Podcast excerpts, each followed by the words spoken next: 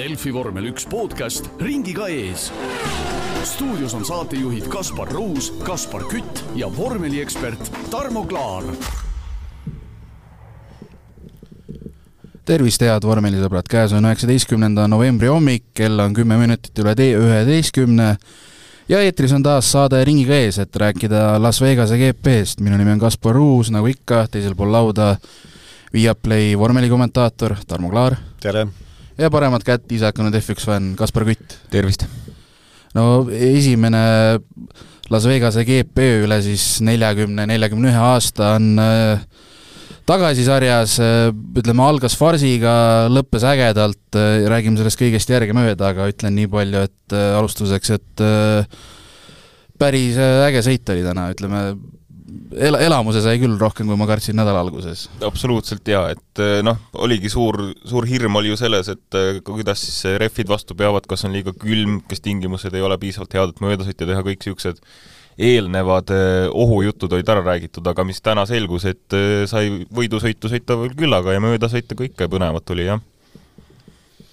no ma saan aru, siin ennem rääkisime siin teise Kaspariga, mitte saatejuhiga või mõlemad olete saatejuhid, et kodanik Kütiga, et, et mina selline üks väheseid parandamatuid optimiste, no ma ei ole parandamatu optimist, ma olen niisugune optimistlik pessimist eluaeg olnud aga tõesti, kui ma seda rajaskeemi nägin ja, ja esimesi vabatreeninguid, siis mul tekkis küll selline mulje ja vaatasin, et kus need DRS-i alad on, siis jäi selline mulje, et siin võib võidusõitu tulla küll.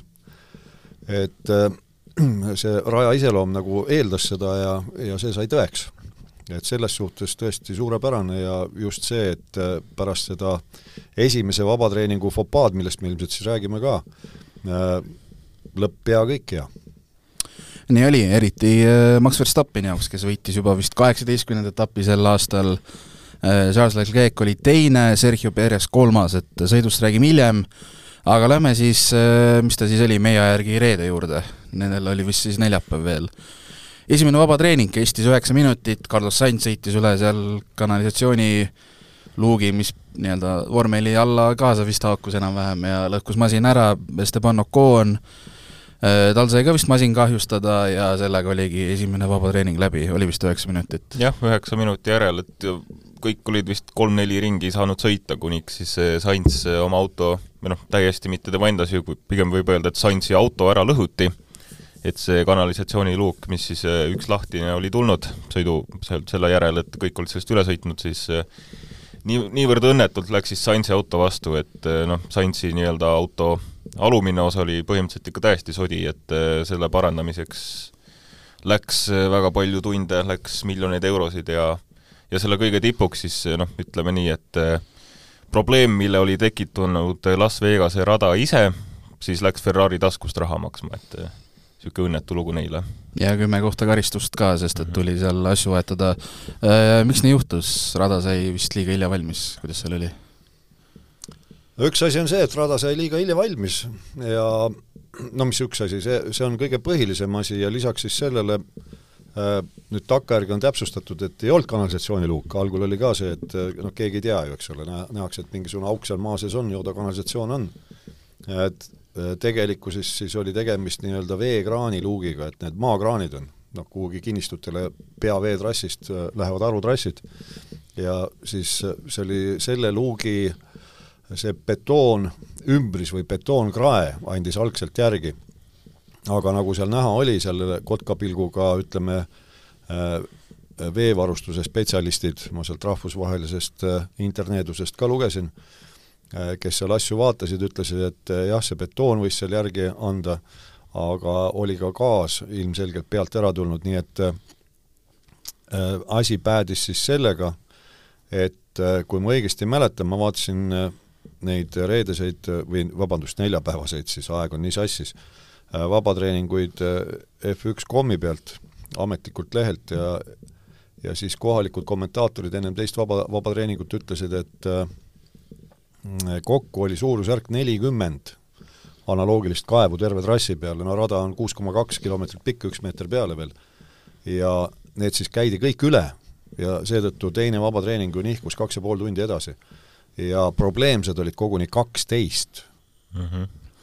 see siis viitab sellele, et suhteliselt ülepeakaela oli asi tehtud või oli ebakvaliteetselt tehtud, et äh, see selline betoonümbris, mi-, mis istub äh, nii-öelda maa peal ja kuhu on kinnitatud siis äh, on ta kanalisatsiooni, kaevu, krae, mis on malmist reeglina, või on ta sellesama vee, veekraani, maakraani krae, mis kinnitub sinna betooni, siis see betoonümbris oli põhimõtteliselt võib öelda ebakvaliteetselt äh, tehtud, aga leiti kiiresti lahendus, inseneri lahendus seal kiirbetooniga midagi tehti ja lõpuks äh, kõik läks hästi, no Eestiski on olnud ju viimati, kui siin äh, linnaringil oli demonstratsioonsõit Red Bulli poolt, aasta oli, kas ta oli kaks tuhat kuus äkki või? seitse vist. või oli seitse isegi, jah. Siin kanali otsas, kesklinna poole otsas, siis ju ka minu head tuttavad perekond Pööblid, tervitus neile, Aivar ja Priit ja Priiduga rääkisin ka siin äh, samal päeval siis, kui see jama juhtus, et noh, et kas juba Las Vegasest on helistatud, et tuleb hakata kanalisatsioonikaeve kinni keevitama ja seda tõesti tehakse. Sellepärast, et äh, see hõrendus on niivõrd tugev, et need kanalisatsioonikaevud muidu, kui nad kinni keevitatud ei ole, lendavad nagu šampusepudeli korgid. lihtsalt selle alt tekkiva nii-öelda ülerõhu tõttu, ülerõhu selle suhtes, mis seal maapinnal toimub. ja kuna tegemist on äh, Äh, maaefektiga autodega, siis äh, hõrendus on veel suurem, kui ta, kui ta on tavaliste vormelite puhul ja oligi tegelikult muuhulgas see teema, et rada sai hilja valmis, seal ei ole mitte kordagi võidu sõidetud, mitte ühegi võistlusklassiga. kogemus täielikult puudus. ja, ja nüüd äh, vähe sellest, et see jaburus toimus, et üheksa minutit saadi sõita, sealt läks nagu lumepall nüüd veerema. Kuni sinnamaani välja siis, et noh, küll ei pekstud minema, aga väga jõuliselt suunati minema pealtvaatajad. no olgu öeldud, et äh, teine vaba treening lükkus kohaliku aja järgi poole kolmel öösel, öösel. ja siis kusagil jah, kahe paiku hakati siis niimoodi jah, välja suunama siis fänne jah, niimoodi. kes olid mitte, äh, maksnud äh, sa-, no, sadu, sadu eurosid, seal olid ikka ropud hinnad olid. päris ropud hinnad olid, jah. et, et äh, ma, ma räägin kiirelt ära, ma enne saadet sulle ka ütlesin, et äh, kurat, seda asja tehakse ju fännidele, noh. ja vennad tulevad kohale, noh, maksavad, ma ei tea, lennupiletid kõik üle tonni, sa näed üheksa minutit. ja motorsport.com, mis minu arust on väga mainekas äh, autospordiportaal, ne-, nende andmetel oli siis põhjus, miks äh, fännid ära saadeti väidetavalt, et lihtsalt turvameeste töövahetus sai läbi ja no, Tur seal... turvameeste ja bussijuhtide ja, ja bussijuhid, kes siis vedasid rahvast laiali hotellidesse, et nende tööaeg sai läbi ja et tagada ohutus, kuna nad on päev, turvamehed eriti on päev otsa tööl olnud, noh siis et nad jala pealt ära ei kukuks seal või midagi, mis iganes, et siis inimeste nii-öelda eh, heaolu nimel ja ka pealtvaatajate heaolu nimel, et eh, nemad oleks nagu kaitstud seal ilusasti turvalik-, turvaliselt, et ja bussijuhid pärast neid eh, ikkagi selge silmavaatega suudaksid koju viia, et nad tukkuma ei jääks bussiroolis, siis äh, lihtsalt pealtvaatajad suunati minema, nii et teine vabatreening sõideti, mis algas siis öösel või vastu hommikut pool kolm, sõideti tühjade tribüünide ees, aga kui alguses äh, oli selline suhteliselt ülbe hoiak, et noh, nagu inglased ütlevad, shit happens, eks ole, et noh, mis seal ikka siis, siis eks see rahulolematus oli nii suur, et kas see järgmisel päeval tuli see teade, et neil, kellel oli ühe päeva pilet, kujutage ette, kes olid ostnud neljapäevaks ainult mm. -hmm vabatreeninguteks ainult, ainult pilet. vabatreeninguteks pileti. siis lähevad üheksa minutit. siis nad lähevad üheksa minutit kõik. Mm -hmm. ja nendele siis valurahaks nüüd 200... Äh, pakuti jah, äh, fännipoest, ametlikust fännipoest äh, nänni ostmiseks kahesaja dollariline vautšer. no see on um-, see on umbes sealt fännipoest üks T-särk heal juhul on ju, see üle, ülemäära kallid hinnad on ju, et jah, võib-olla saad ühe T-särgi. aga see, see oli no ühest küljest pooleda, minu meelest olulisem oli see, nagu sa juba alguses ütlesid, et või te mõlemad mainisite, et tegelikult võistluse organisaatori poolt äh, halvasti ettevalmistatud rada põhjustas, no hea küll, kui tähtenärid põhjustas nüüd see konkreetne äh, betoon, kärakas seal, sellest tulenevalt äh, kõik see maakraani, malm, gaas ja nii edasi, põhjustasid äh, vigastuse autole, mis tuli no piltlikult öeldes maha kanda, see Ferrari, sellepärast see kandmik ehk, ehk äh, šassii, ehk see monokokk, see kanuu seal, mille külge kõik on kinnitatud, seda enam kasutada ei saanud, varu on kaasas. nüüd tuli uus auto üles ehitada, nagu Sainz ütles, üle viie tunni tal mehaanikud nägid vaeva, eks ole. kõik riputati sinna külge ja nüüd selgus siis, et ei saa enam kasutada seda akupata-, pakki nii-öelda hübriidi osas, sest see oli kahjustatud. Hooaja peale, kui õigesti mäletan, on lubatud kasutada karistuse vabalt kaks tükki, kaks sellist akupakki. nüüd läks Sainzil kasutusele kolmas. ja hoolimata sellest, et äh, Fred Vasseur, tiimipealik, pöördus siis äh, kohtunike poole ja FIA poole, et äh, see on ju force majeure mm. -hmm. see on täiesti ettenägematu juhtum, nendest sõltumatu, ei ole niimoodi, et ise sõitis seina või, või neil on mingisugune tootmispraak või, ei ole seda ohvrid, noh, nii-öelda piltlikult öeldes sattusid me oleme süütud ohvrid. täielikult, jah, jah. ja ei, meil reeglites sellist asja ette pole nähtud ja pluss kümme kohta stardirivis mm. -hmm. no isegi Verstappen võttis sõna, hea küll, võib ju öelda, et Verstappen praegu on igasuguste asjade suhtes leebe, sellepärast temal on kõik tiitlid taskus. temal on kõik hästi, keegi ei ohusta teda mm. -hmm. aga väide siis oli, et eriti konkurendid olid peale surunud, et see karistus tuleb rakendada ja kes need konkurendid on siis? Mercedes? Mercedes, Toto Wolff aga tegelikult jabur ju, ülekohus selline absoluutselt jaa, selles mõttes, et noh, nagu just sai öeldud, et eh, olukord, mis absoluutselt ei sõltunud ei Ferrarist ega Sainzist, on ju, nemad ei teinud mitte midagi valesti, ja tulemusena on ju noh, esiteks see rajakaristused kümme kohta tagapool, aga nad maksavad veel omast taskust selle, selle kahjustuse kinni, see mis künk, mis kerkis üle miljoni dollari, on ju, selles mõttes, et eh, täielik ülekohus Ferrari suhtes ja kui lisa veel juurde see, et tegelikult Ferraridel oli ju kiirust sel nädalavahetusel, et Sainzilt võeti väga potentsiaalne nii-öelda esikoha võitlus põhimõtteliselt ära, et et noh, mis ta lõpuks lõpetas vist seitsmenda, kaheksanda või kusagil ikka väga tagapool selles mõttes, et et jah, kahju. ja Mercedese kuulus pealik Toto Wolff, kes noh, mõistetavalt nagu iga tiimipealik oma sõitjate puhul alati otsib neid reeglites neid auke ja mm, -hmm. ja kõike, et nende poolt seisab.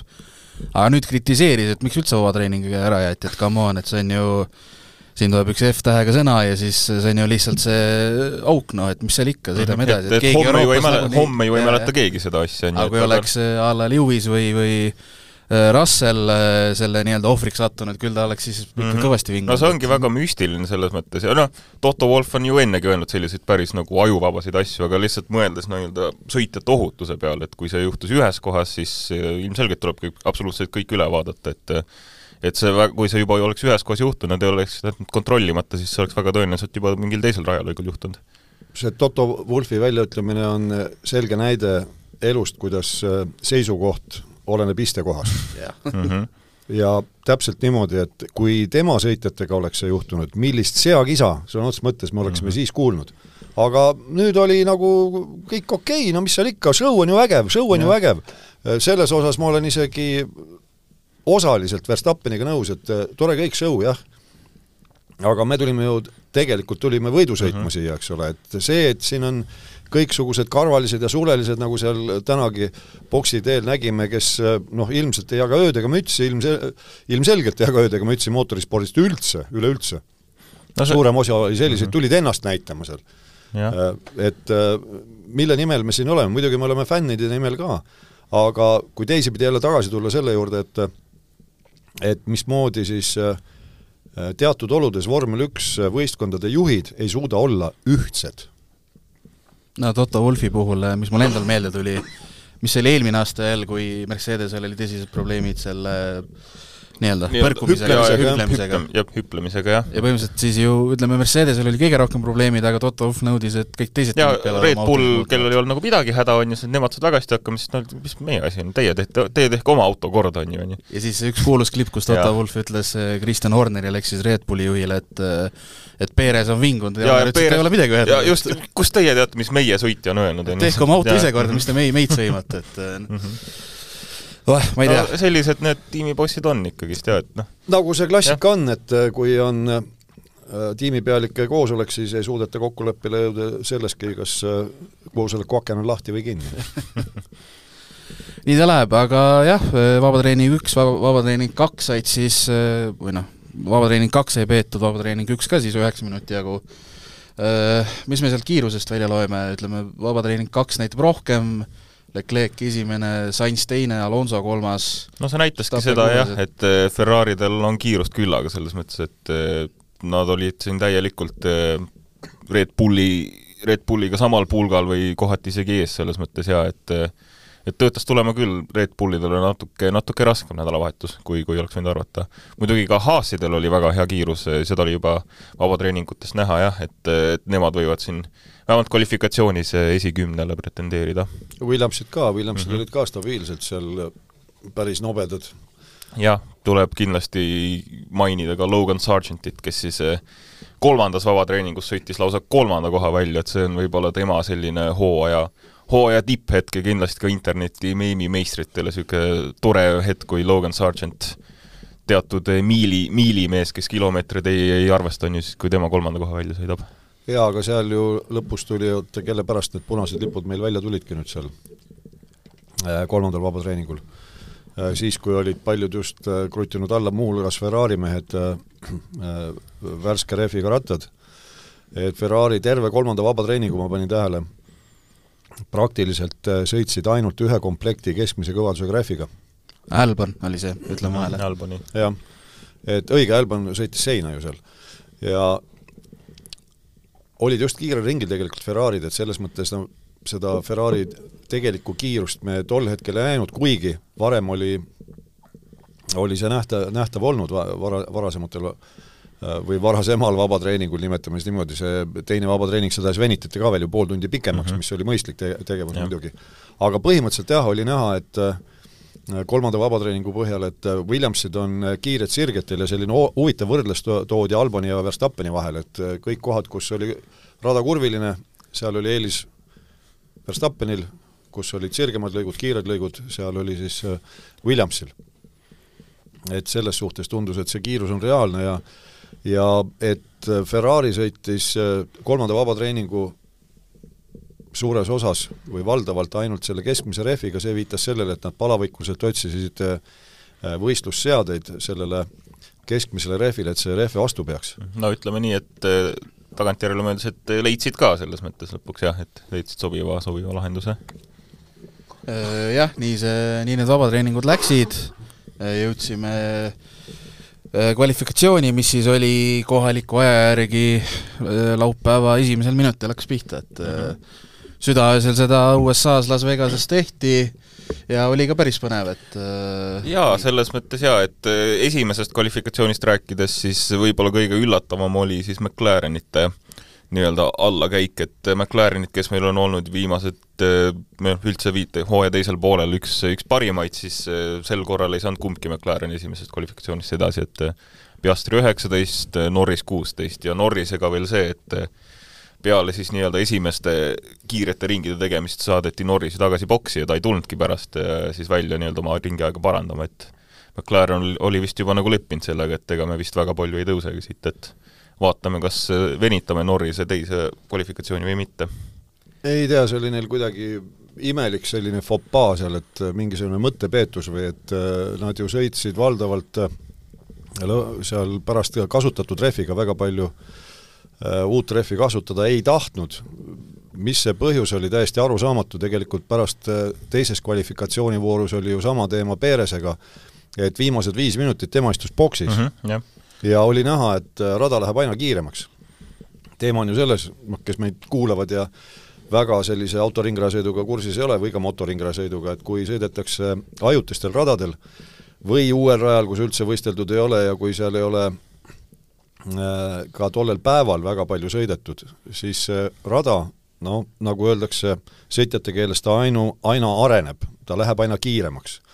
ja antud juhul Las Vegases ei olnud ju ühtegi toetavat sarja, mis oli ka omaette kummaline mm, -hmm. ainult vormel üks sõitis seal võidu, lisaks sellele päeval teatud rajalõigud, valdavalt osa, osalt, rada oli ju avatud liiklusele.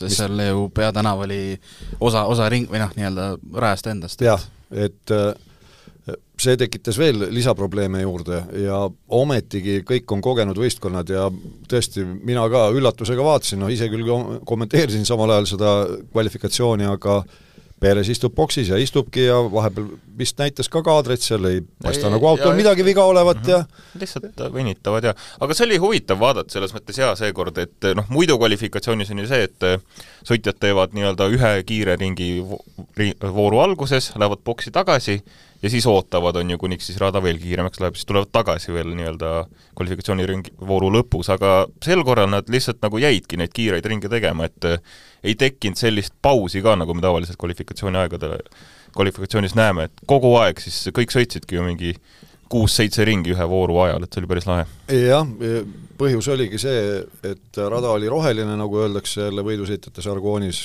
üks asi, teine asi, Äh, madalad temperatuurid nii õhu kui, kui asfaldi osas ja rehvid ei hakanud tööle korralikult. ja rehvid ei hakka tööle ja kui sa piisavalt kiiresti ei, ei sõida äh, sellistes temperatuuritingimustes, siis ka pidurid mm -hmm. ei saavuta töötemperatuuri, mis on ka ääretult oluline jälle. no siis ongi vaja lihtsalt kogu aeg autot kiiresti, kiiresti hoida ja lähebki iga ringiga hoid natukene kiiremaks nii-öelda kümnendike võrra ja nii ta läks, Sergio Perez oli siis kaheteistkümnes, Hamilton jäi siis esimesena Q3-st välja ja kvalifik-... nii et äh, siin kvalifikatsiooni osas, mis puudutab Perest, ei maksa Perese kallal ilkuda seekord, ta ei olnud mökude maailmameistrivõistlustel teine. ta ei olnud nii möku, vaid võistkond oli seekord üllatavalt möku. haruldase, haruldane olukord, kus saab jah, Red Bulli süüdistada hoopis, jah. Äh, kas Hamilt-, Hamilton jäeti ka lõpus lihtsalt nii-öelda passima seal? jaa, tal oli sama teema, et ta jäi seal kellegi taha kinni ja ei saanud rehvi soojaks ja seetõttu ta jäi nibin-nabin, jäi sealt kümnest äh, välja aga Q3 noh, Leclerc kiireim, mida ta on üsna tihti, mida ta on näidanud, Sainz teine, noh tema langetati, nagu me rääkisime, kaheteistkümnendale kohale stardiruudul, mis ma välja tahan tuua, Albon kuues, Sargent seitsmes. Williamsid just Williamsid, jah, et Q3, Q3-s oli siis ainult kaks tiimi, kes mõlema autoga siis said nii-öelda kü-, parima kümne sekka, need olid siis Ferrarid ja Williams, kes siis noh, väga kiired, et Sargent siin vahepeal tunduski, et ongi Albonist kiirem tegelikult, eh, vähemalt vabatreeningute põhjal oli niisuguseid momente, aga lõpuks ikkagist Albon võttis oma.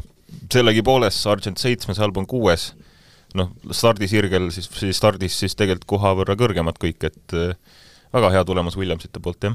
no Williams eh, jah, hõivasid siis kolmanda stardirea, et Sargetil äh, kodus ka, ma ei tea küll täpselt, kust USA-st pärit on, aga vähemalt on USA etapp, et äh, Miami kandist. jah, no Sargentil on ju kolm koduetappi olnud see hooaeg, et ja üks siis päris koduetapp siis nii-öelda Miami näol. Äh, kvalifikatsioonist veel mingeid mõtteid või lähme sõidu juurde? mis võib-olla no kuivõrd ta oluline paljudele teada on, aga sellistele vormel üks huvilistele, et Haas seekord otsustas siis, et aru saada, mis nende auto uuendused endast kujutavad ja kas üldse midagi kujutavad, siis äh, peeti nõu ja ennem võistluse nädalavahetust äh, võistlejad otsustasid ise, väidetavalt oli see nii. Magnussen otsustas siis äh, selle Austini järgse etapi auto konfiguratsiooni kasuks ja ja Hülkenberg tundis, et talle on rohkem tagumikku mööda see auto, mis oli kasutusel sellises versioonis äh, enn-, mis oli enne Austini etappi, ennem USA etappi ja tehtigi siis üks-ühele võrdlust nii-öelda, et kuidas see on, kui vaatame kvalifikatsiooni, siis uuem oli justkui parem, sellepärast et Magnussen oli üheksas ja Hülkenberg kolmeteistkümnes.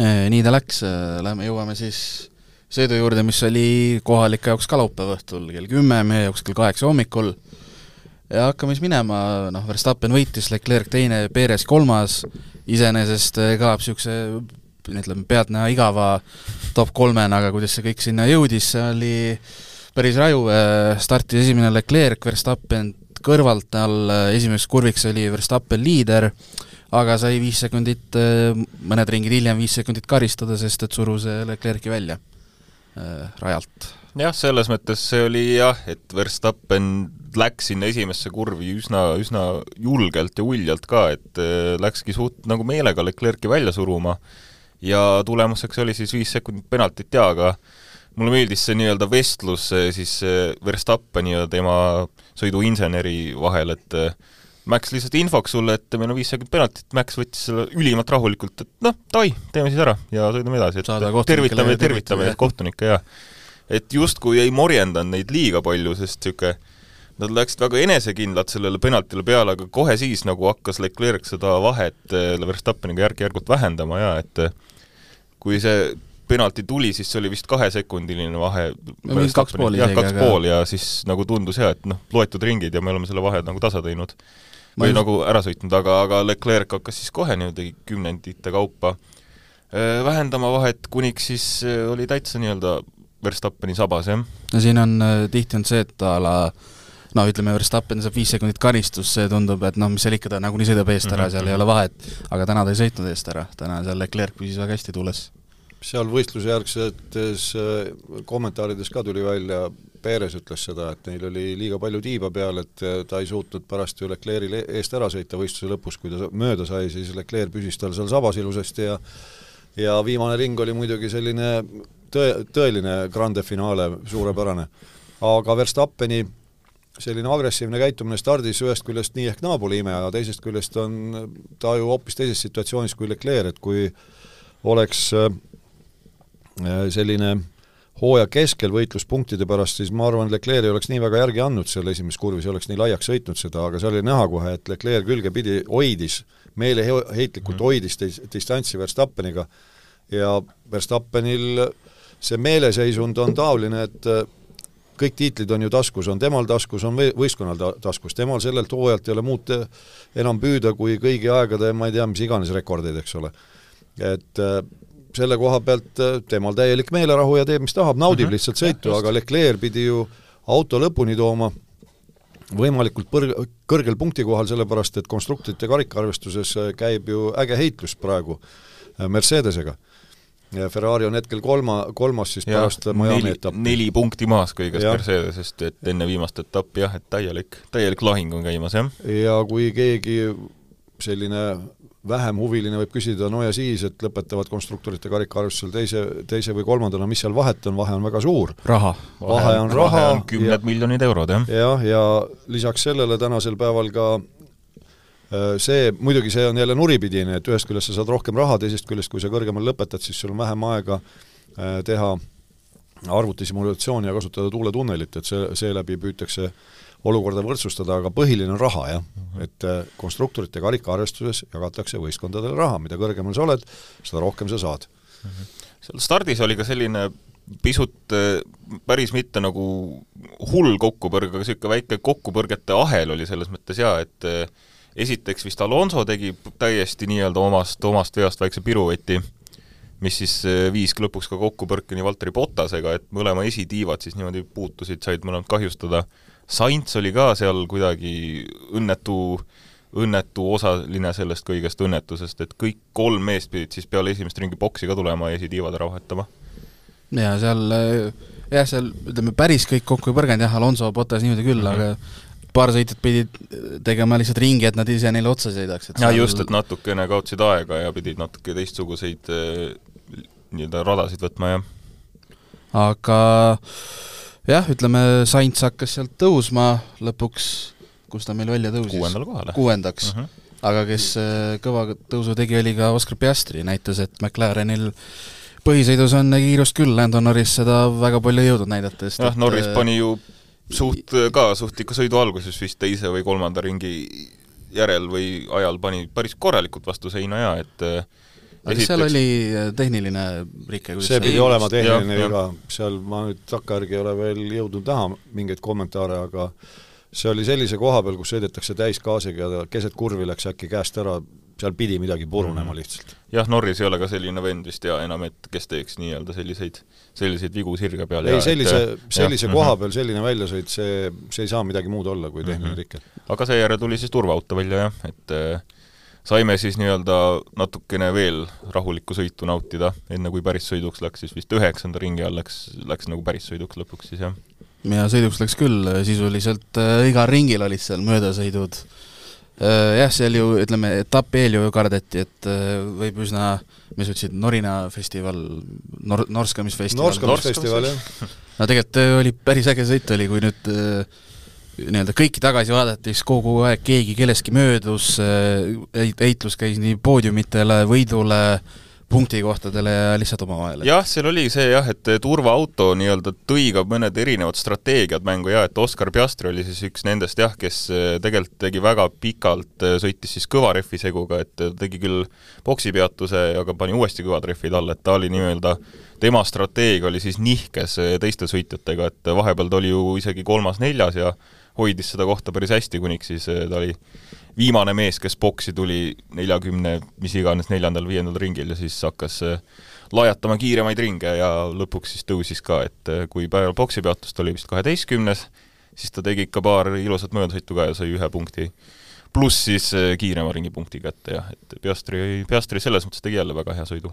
Piastri tegi hea sõidu, aga mis aus, ausalt öelda meil ka ülekande ajal alguses natukene kahe silma vahele jäi ja pära-, pärast parandasime ennast, ausalt öelda kõige kõvem vend selles sõidus oli Stroll uh. -huh.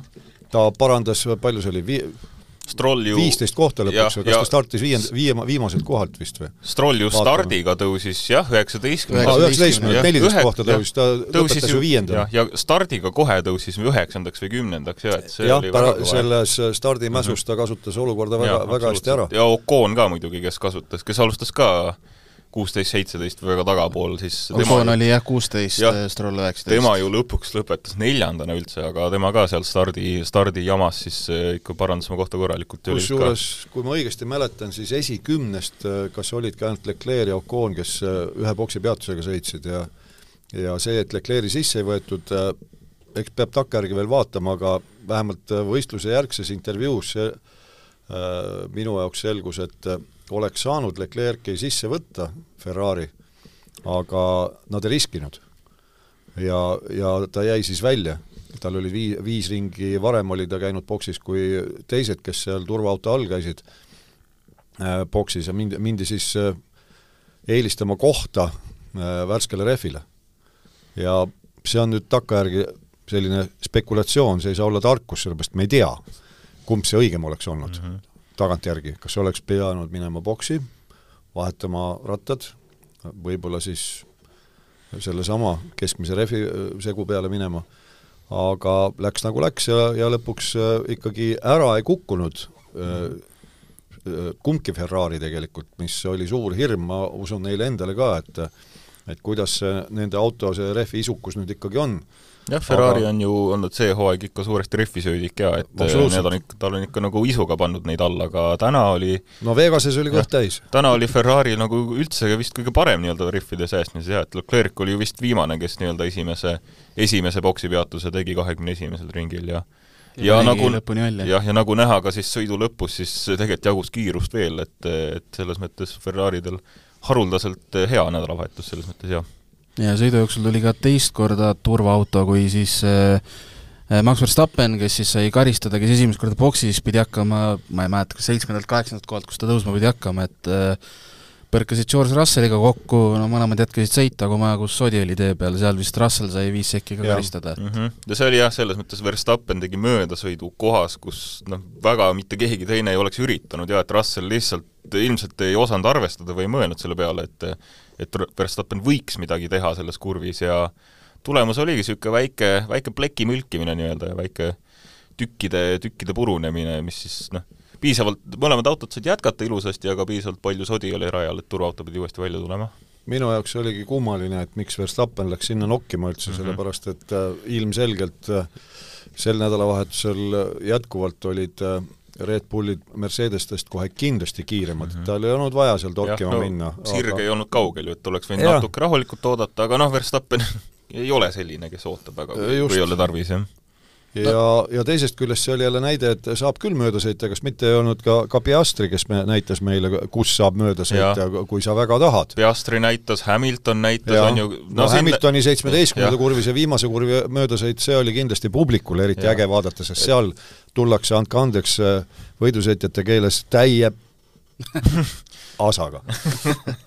jaa, selles mõttes, et eh, täna näitasid küll sõitjad, et eh, kus, kus soovi, seal ka võimalus, et igal pool saab mööda sõita, kui sa vähegi tahad, jah et, jah, ja see, ja see ikkagi ma kiidan seda rajaskeemi ja nende DRS-i alade paigutust, et äh, ei tekkinud seal sellist varianti, et kui sa DRS-iga said mööda, siis oligi tšau, pakaa ja mm -hmm. noh, kohtume järgmisel võistlusel. tegelikult korraldajad ju nihutasid vist peale vabatreeninguid, nihutasid seda DRS-i veel nat-, või nagu pikendasid seda DRS-i jaa, ala seal natuke stripi ja, stripi peal Jaa, pikendati seda viiskümmend meetrit. just, et see andis ka kindlasti veel natukene juurde sellele, sellele naudingule jah, et eh, korraldajad mõtlesid kaasa selles mõttes, et see oli päris lahe. aga ikkagi, mul alguses kangastus silmade ees kohe, kui ma seda rajaskeemi nägin, natukene kunagine Valencia tänavarada, mis oli ju täiesti mõttetu. ja igavuse, igavuse etalon. seal ta lookles küll kõvasti mm, Mhm. -hmm. aga põhimõtteliselt seal tekkis ju ainult üks sõidujoon.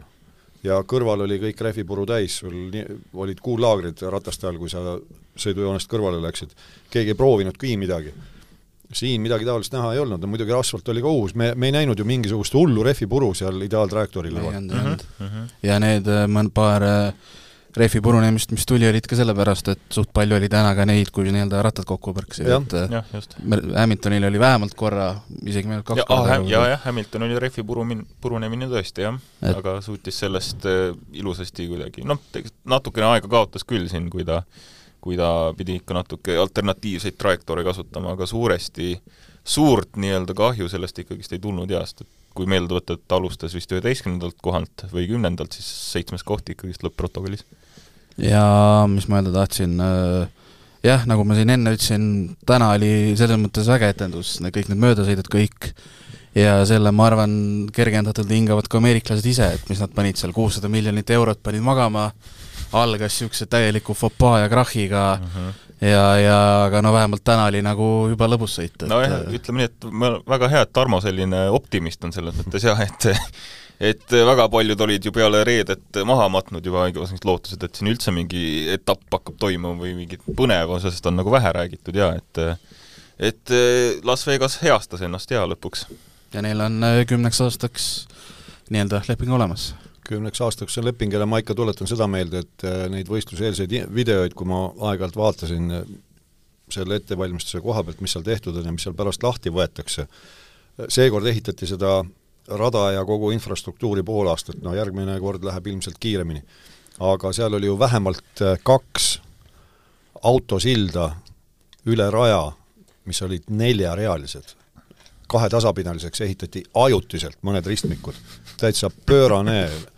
Et äh, Liberty Media ostis ju äh, maad, mis oli kuusteist hektarit või see ala, kus oli siis see seitsmeteistkümnes kurv, esimene, teine, kolmas, neljas ja kogu boksiala, äh, see kuulub Liberty Mediale, see ju ehitati spetsiaalselt selle võistluse pärast, osteti maa selle võistluse pärast ja ehitati kõik. selle nii-öelda maatüki said vist noh, ütleme umbkaudu kahesaja kahekümne viie milliga ja siis kolmsada seitsekümmend viis milli läks veel et seal nii-öelda asjad püsti panna. just et äh, selles mõttes muidugi müts maha ja see, seekord ilmselt äh, see risk ennast tasus, sellepärast et eelmine kord, kui sõideti aastatel kaheksakümmend üks, kaheksakümmend kaks ja kes viitsib äh, interneedusest, leiab selle võrdluse nüüd, praegune rada ja siis kas see oli see Caesar, Caesar Palace'i parklas, parklas see rada, mis oli kolm koma seitse kilomeetrit pikk. sa vaatad neid kõrvuti niimoodi seal kaardil, siis üks oleks nagu kardirada, see mhm. neljakümne, neljakümne kahe aasta tagune mm. -hmm Äh, täiesti pöörane, sõidetigi parklas, no Ameerikas on muidugi kõik suur, aga parklad ka suured, aga seekord äh, see investeering paistis, et äh, selles mõttes oli ikkagi enne investeerimist oli ka läbi mõeldud ja võib-olla et isegi konsulteeritud päris pädevate inimestega, et, et just nimelt kogu see rada kui selline, sellisel kujul andiski meile võidusõidu ja üks asi, mida ameeriklased äh, oskavad, on asju suureks teha, see show seal kõik alates avatseremooniast, äh, mis seal täna oli, see nii-öelda cool down room oli ju limusiinis või? limo, jaa, jaa, hoopis selles said, saime nagu autosõitu nautida ja kuidas kolm kolm maailma parimat pilooti siis istuvad eh, limo tagaistmel koos niimoodi nagu aga muide, kuidagi säästurežiimil olid nad selle lima, limusiini rentimisel, et väga-väga ahtake oli see ruum ruumi ei olnud, need olid ikka nagu, nagu mingid koolilapsed koos no, no täpselt, kusjuures Max istus süles seal põhimõtteliselt. jaa, just, jah. kusjuures vormel üks piloodid, nad on ju saledad poisid, nad ja. on küll sportlased, nad on ja. mm -hmm. äh, treeninud ja kõik, aga nad ei ole mi-, mingisugused äh, Äh, üliraske kaalu tõstjad või keegi, niisugused kärakad nagu noh, ütleme meie siin ühe, ühe, ühe Kaspariga oleme, et et meie oleksime seal teineteise süles istunud seal taga kahekesi. et see oli natukene üllatav, kui natukene ilkuda asja kallal, aga poisid olid ju päris sõbralikud. ta sai väga hästi läbi jaa sel pool, jah.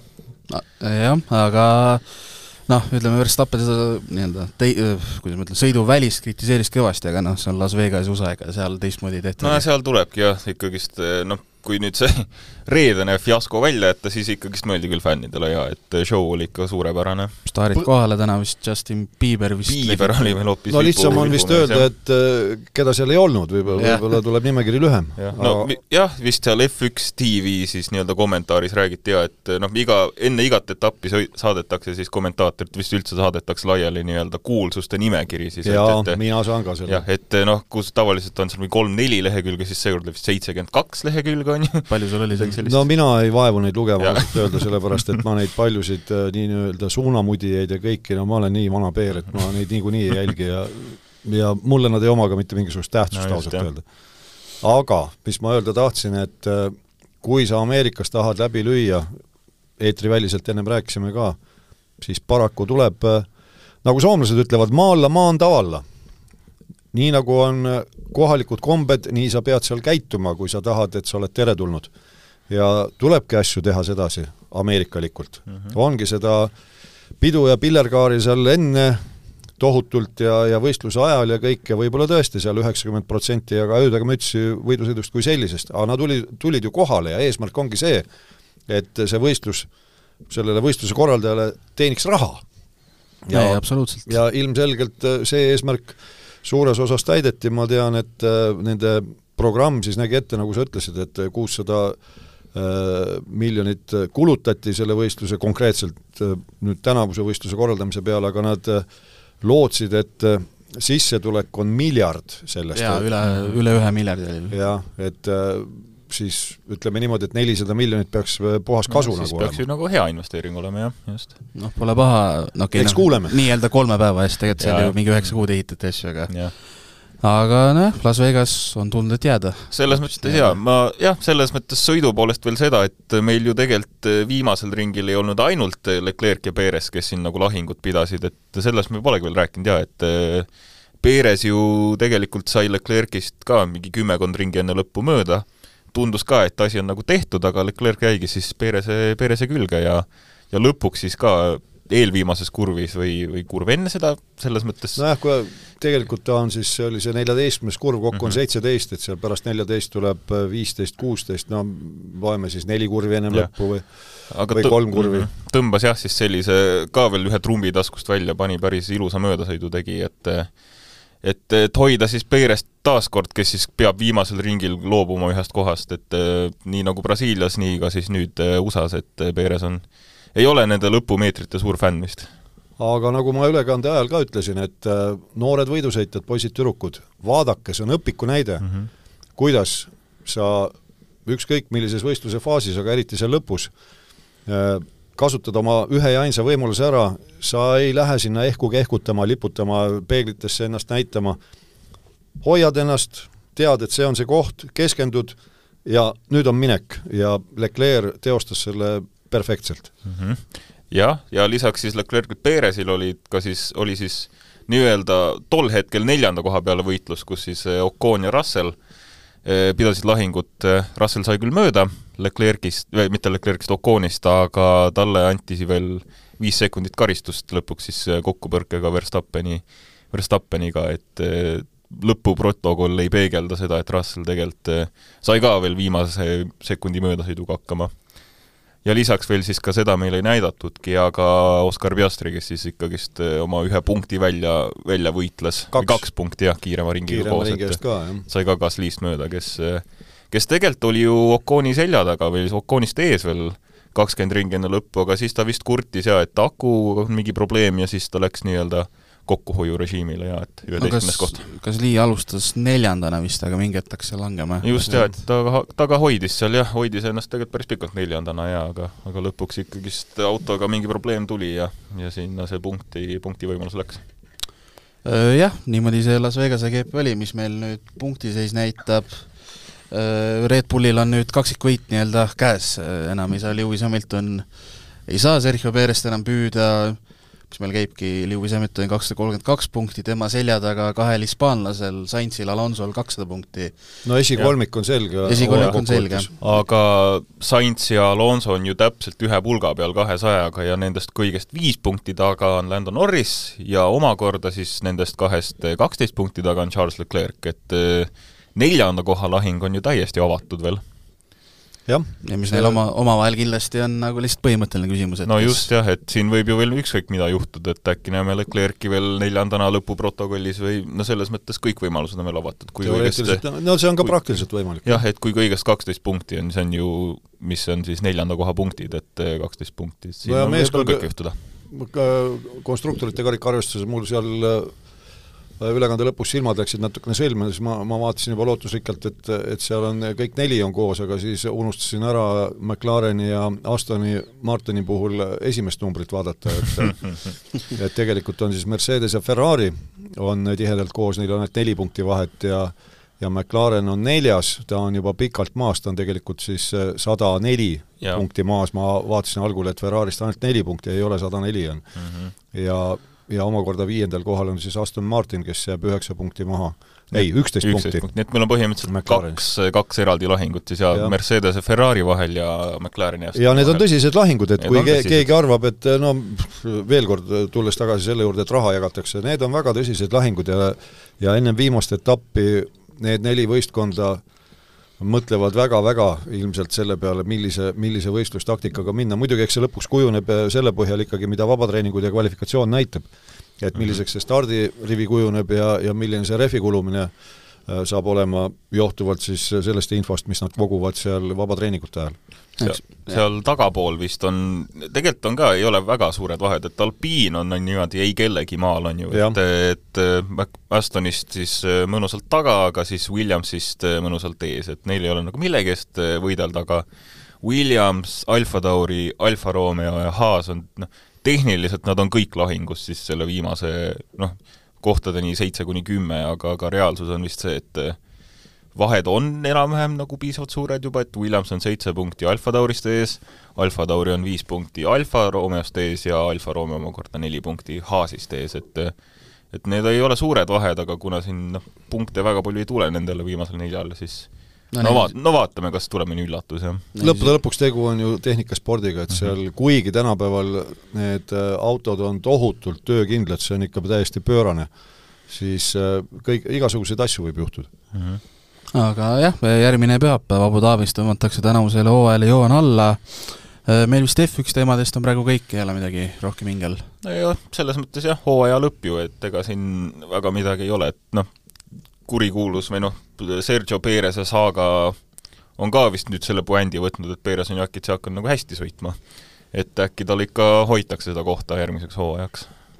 aga lähme siis äh, USA-st äh, Hiina poole, vaatame, sel nädalavahetusel võistles ka meil äh, Paul Aron, äh, tänavune F3 sõitja, et osales seal kuulsal Macau võidusõidul, kus ta sai nii-öelda kvalifikatsiooni või ajasõidus neljateistkümnes, sealt tõusis eilses sõidus ma ei tea, kuidas seda kutsuda, kvalifikatsioonisõit, sprint tõusis seitsmendaks, mis pani paika tänase põhisõidu tulemused, täna siis Aron äh, oli jõudnud seitsmendalt viiendaks ja siis äh, täpselt ei näinudki, ütleme, kuidas see juhtus, nägime lõppu intsidendist, aga äh, auto sõitis põlema, lendas, veeres seal vastu barjääre, ise sai ilusti autost välja, aga, või vormelist välja, aga aga läks ta nii, et ei ole jõudnud, kuna me siin kõik äh, noh, F1 tõttu on nii-öelda vaja saadet valmistada nii ette, siis ei ole väga palju jõudnud uurida, aga, aga täna läks nii Paulil. mina ütleks, et tüüpiline selline Macau etapp kvalifikatsioon läks tal nahka seetõttu, et keegi sõitis seina, mitte ta ise, ta oli ise kiirel ringil, see ring on ju väga pikk ka seal Macaus. noh, üle kahe minuti sõidavad, jah.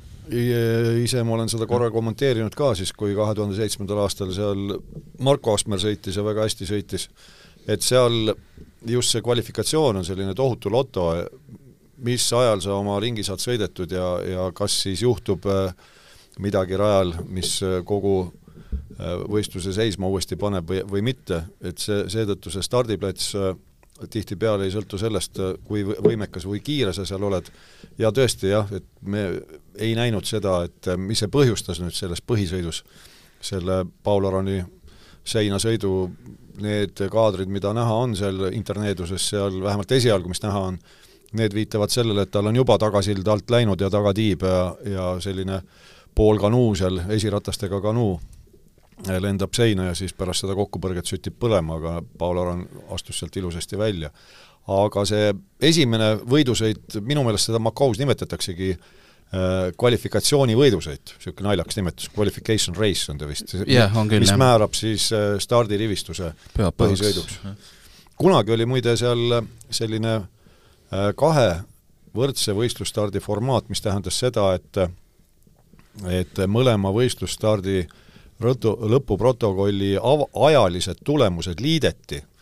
Ja ma mäletan omal ajal, kas see oli aasta üheksakümmend vist, kui, või oli üheksakümmend üks, kui äh, Miga Häkkinen ja Michael Schumacher seal omavahel kokku said ja ja siis oli ehe näide se- selle kohta, kuidas äh, mõned mehed no ei suuda äh, jääda noh, kaineks on valesti öeldud, aga ei suuda säilitada külma pead, konkreetselt siis Miga Häkkinen et tal oli esimesest sõidust oli võit mingi paarisekundilise eduga Michael Schumacheri ees ja ja teises sõidus ta oligi teine, tal oli sõit, vaja sõita lihtsalt äh, Schumacheri tuules, aga ta ei teinud seda.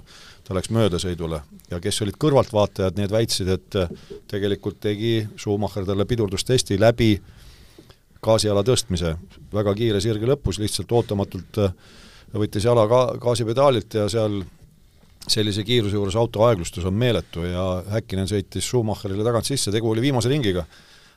Häkkinen lendas seina, Schumacher kaotas tagatiiva praktiliselt, aga lonkas lõpuni, no neil oli nii pikk edumaa teiste ees, et äh, Schumi vist lõpe-, ei, mitte vist, vaid kindlasti lõpetaski selle sõidu esimesena ja Häkkinenil oli esimesest sõidust võit, teisest null, aega pole mm. -hmm. võitja on Schumacher. võit läinud, eks ole et äh, niimoodi, niimoodi see seal Macaus käib, aga see Macau on niivõrd prestiižne sõit, et näiteks tänavu ju sinna palgati vanad Peerud, meeste vanust vaadates muidugi kõlab naljakalt, aga vormel kolme mõistes, see on ju vormel kolme mm, -hmm. põhimõtteliselt öeldakse nagu mitteametlikud maailmameistrivõistlused. jah, seal ja. on ju jah, kes seal vormel kahest on, Dan Dictum on ju kohal ja Dennis Hauger ja no Dan sellised... Dictum isegi, seda on vormel kahes, et ja, ja, ja veel hullem, seal oli Marcus ju Armstrong, Markus Armstrong, kes jah. tänavu sõitis täishooaja Indikaaris mm. -hmm. et õigemini mitte täishooaja, ta ova-, ovaale sel hooajal sõitnud, aga, aga põhimõtteliselt, kes on juba ju nii-öelda edasi liikunud vormel kolmest ammu, isegi sellised tegelased sinna palgati tagasi. jah, no Paul Aronil sellega on vist hooaeg läbi, ega ei tohiks ju tulla midagi veel. Vähemalt meil informatsiooni ei ole, aga tema vormel kolm hooaja võistkonnakaaslane seal, Dino Beganovitš, puhta Rootsi nimega Rootsi poiss, siis äh, tuli kolmandaks näiteks. see on äh, kvalifikatsioonis, ma ei leidnud veel neid äh, aa, kvalifikatsioonis, okei okay. täna, tänase nii-öelda lõppresultaati, ma vaatan, kas ma le- leian kiirelt, ei jõudnud enne välja otsida, nagu öeldud, kõik siin toimus samaaegselt. kõik käis kiiresti, aga, aga jah, et seal omal ajal näi-, näiteks oli selge viide sellele, kui Marko Asper seal sõitis ja väga kiire oli ja kas ma, Marko tuli ka neljandaks või midagi, siis äh, tookord ju oli Marko Spo-, boksi rinnatisel tollane BMW äh, vormel üks tiimi pealik Mario Tyson ja see oli selge viide, et midagi on toimumas mm -hmm. ja toimuski.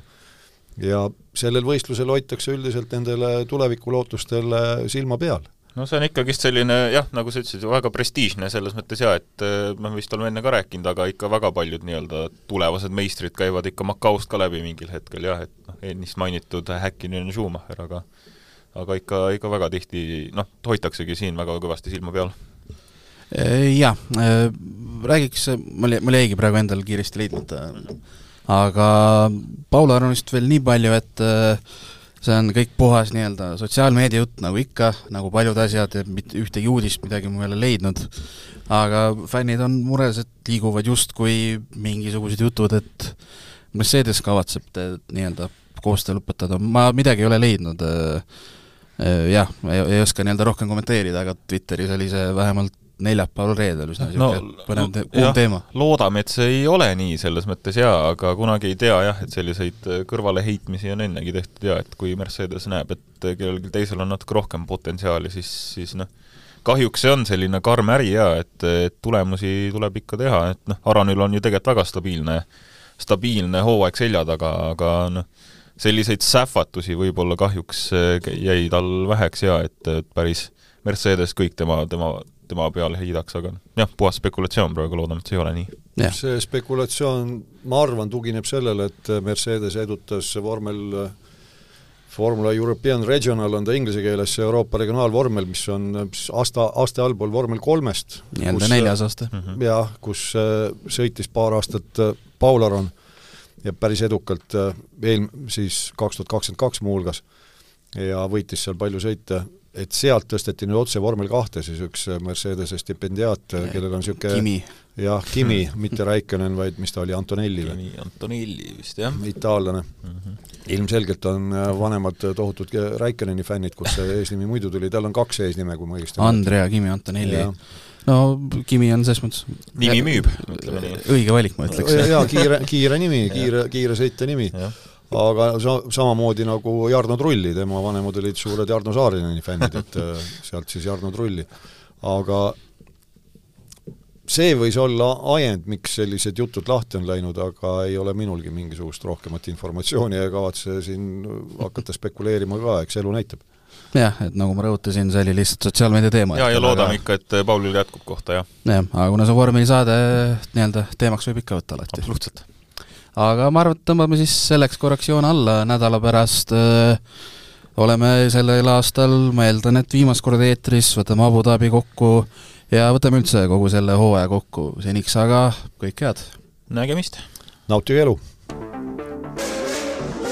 Delfi vormel üks podcast ringiga ees